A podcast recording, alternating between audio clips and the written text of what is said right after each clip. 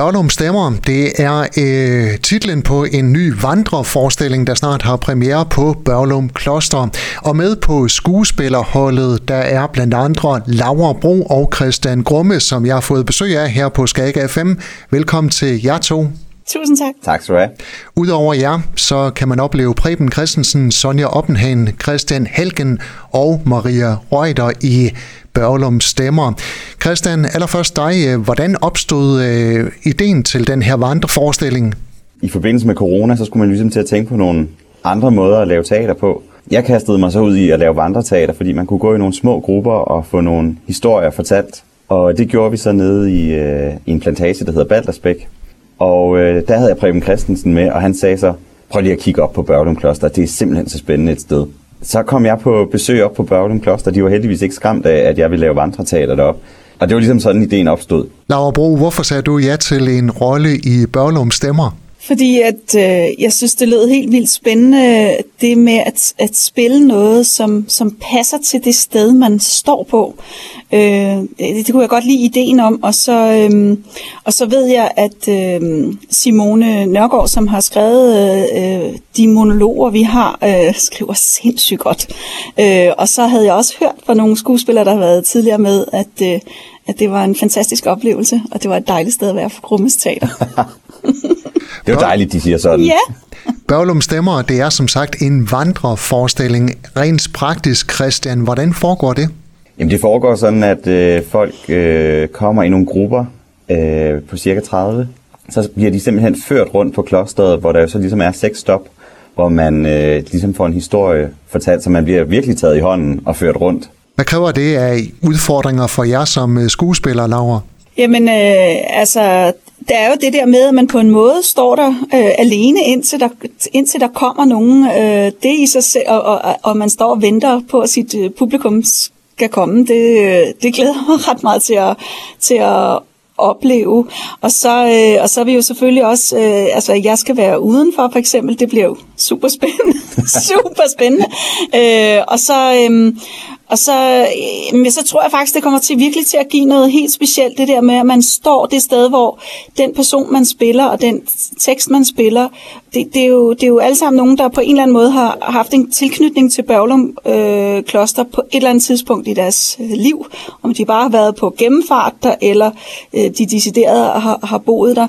Øh, og der er noget, altså der, det bliver ganske særligt, det der sådan med, at man er det sted, som man taler om. Så ikke nok skal man have styr på replikker, kostymer, man skal også øh, lige have styr på, hvor det er på klosteret, man skal fremføre sin monolog.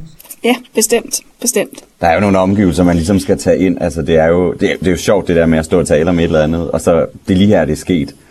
Nu spurgte du lige ind til, hvordan det rent praktisk foregår. Det er jo sådan, at vi sender, øh, når vi spiller en forestilling, så gentager vi faktisk teksten fem gange, fordi vi sender fem grupper afsted. Så da du spurgte Laura, hvad det krævede af skuespillerne, så tænker jeg også, det kræver også, at man kan sin tekst, når man kommer i gang med den fjerde, femte det, gang. Det er, det er jeg meget spændt på, faktisk, det der med, øh, det der med sådan, gud, har jeg ikke lige sagt den sætning? Øh, men øh, det er jo nuets kunst, og det, øh, og det, bliver, det bliver også interessant at, at prøve at opleve det, øh, når man skal gøre det på den her måde. Hvad bliver det for en oplevelse for publikum, der kommer ind og ser Børlum Stemmer? Jeg vil sige, det bliver en sindssygt nærværende oplevelse. Det er jo også øh, intim teater. Det der med, at man sidder en lille gruppe og har en skuespiller, der bare taler til de 30 mennesker, der sidder lige omkring en. Det synes jeg ikke er så tit, at man lige øh, får den mulighed. Så man er jo virkelig draget ind i historien. Man kan altså ikke sidde og gabe eller gemme sig på en stol bag, på bagerste række, fordi vi står virkelig ansigt til ansigt med, med publikum. Og det synes jeg er en meget, meget stærk oplevelse, også som skuespiller, når man står og har den nærmest dialog, selvom det er en monolog, vi fortæller, så er der jo ligesom en eller anden kontakt, man skaber. Mm. Og jeg tror også, at man vil opleve det der med, at historien ligesom materialiserer sig foran en. Altså det, det, kan, noget, det kan noget helt særligt, tror jeg. Børlum Stemmer, hvad handler forestillingen om? Jamen det er jo, øh, det har været sindssygt svært at vælge, fordi der er så meget spændende historie på Børlum Kloster, og det der med at lige at fortælle tusind års historie på halvanden time, det er jo faktisk umuligt. Men vi har jo ligesom lavet nogle nedslag og taget nogle karakterer ud, som har haft nogle oplevelser, nogle fortællinger, øh, beskriver, hvordan deres forhold til Børlum Kloster har været. Så det er forskellige nedslag. Øh, vi springer også rundt i tiden, øh, fordi de her karakterer har jo levet på vidt forskellige tidspunkter. Så, men det er jo ligesom Børlum Kloster, der er, hvad skal man sige, rammen. rammen og tematikken. Alle har jo haft et eller andet forhold til stedet. Ja, og, så, så, og, og udover den giver et nedslag i Børlum Klosters historie, giver den også nogle nedslag i Danmarks historien. Øhm, på sådan et lidt bredere perspektiv, synes jeg. Og de forskellige personer, øh, der, der er også en rød tråd igennem, altså de, på en eller anden måde, de forskellige personer, der, der er ligesom en bold, man giver videre, altså en fiktiv, fiktiv bold, ikke? Altså, øh, øh, som jeg tror, man vil opleve, når man øh, går den rute og hører de forskellige historier.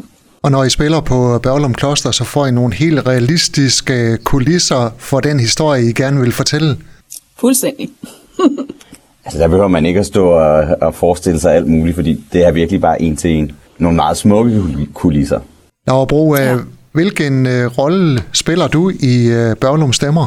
Uh, jeg uh, spiller en tidligere frue på uh, Børlum Kloster, Rosalie Rotbøl, uh, som uh, boede derovre og, var, og, og satte hele klosteret i stand, men som Øh, hvis mand var i Folketinget, og derfor var hun måske også en lille smule alene derovre. Følte sig måske en lille smule alene derovre, så har jeg ikke røbet for meget.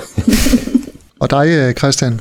Jamen, jeg spiller jo digteren Knud, der havde en meget, meget speciel oplevelse med Børglum Kloster i 1962. Og vi prøver ligesom lige at, vi har dykket ned i hans fortællinger om den oplevelse, da han kom kørende forbi, og Børglum Kloster var forsvundet. Laura og Christian, I skal tilbage til øh, prøverne på øh, Børlum Stemmer. Der er premiere ja. på den her vandreforestilling den 19. august, som sagt på Børlum Kloster. Tak fordi I er med her, og pøj pøj med det. Selv Tusind tak. tak, fordi I måtte være med. Du har lyttet til en podcast fra Skager FM. Find flere spændende Skager podcast på skagerfm.dk eller der, hvor du henter dine podcasts.